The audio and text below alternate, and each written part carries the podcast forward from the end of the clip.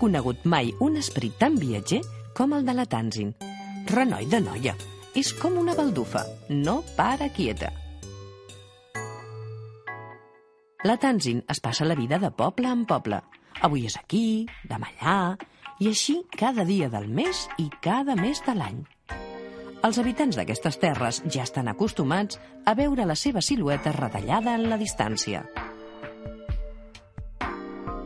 Amunt i avall, sempre vestida amb un polú de cotó, que és la túnica que solen portar les dones del Tíbet, el país més alt del món.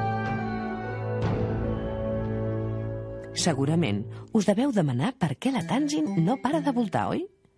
Ella diu que tothom té una funció en aquesta vida i que la seva és la d'anar de poble en poble ajudant la gent.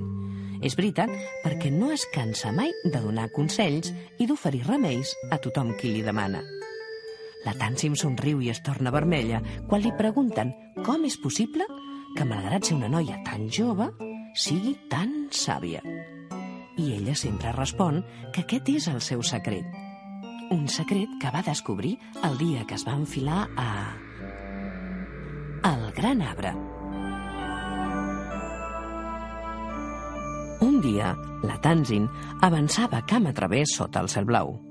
S'havia passat tot el dia caminant sense descans, quan de lluny va veure un arbre solitari plantat al vell mig de l'altiplà.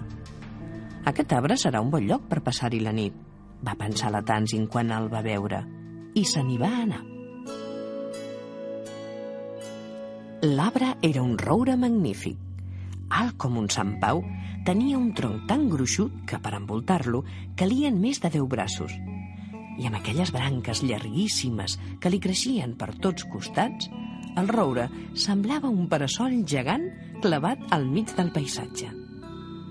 Em faré un llit amb quatre branques i dormiré d'allò més bé, es va dir la Tansin, convençuda que no la molestaria ningú. Dit i fet, la Tansin es va enfilar a dalt de l'arbre. Es va arrupir sobre una de les branques més altes. Es va tapar amb una manta de fulles i es va posar a dormir. La pobra Tansin anava tan cansada que de seguida es va quedar adormida com un tronc. Però ve d'aquí que aquella nit els animals havien convocat una assemblea al peu del gran arbre. S'hi van presentar tots els animals de les comarques veïnes.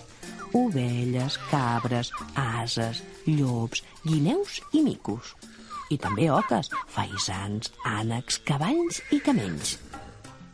El tigre, que era l'animal més temible de tots, feia de moderador. I els més xerraires i llengua llargs van ser, com era habitual, el cèrvol de les banyes grosses, l'os pilós i la serp miop.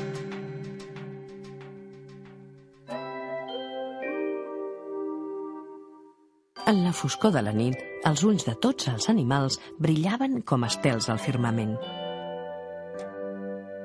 Parlaven de les seves coses i com que discutien sovint i enraonaven tots alhora, el tigre no tenia altre remei que fer quatre crits si volia posar una mica d'ordre entre tanta cridòria. I, és clar, amb tot el xivarri que feien, la Tanzin es va despertar.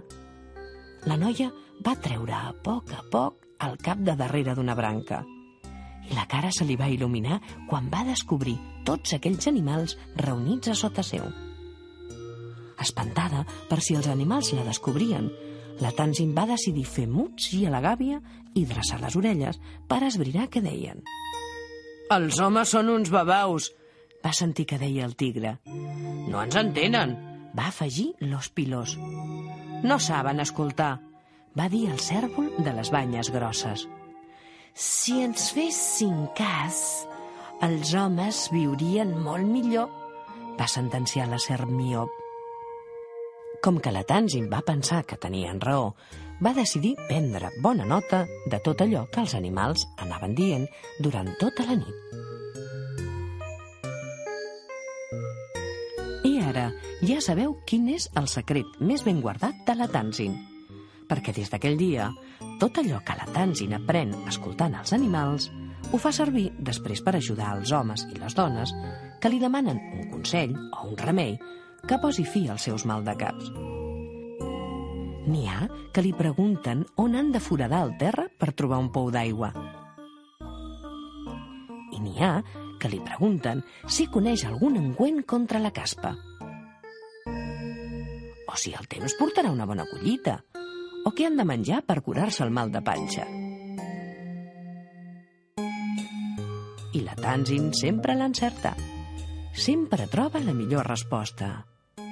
Excepte quan li pregunten quin és el seu secret.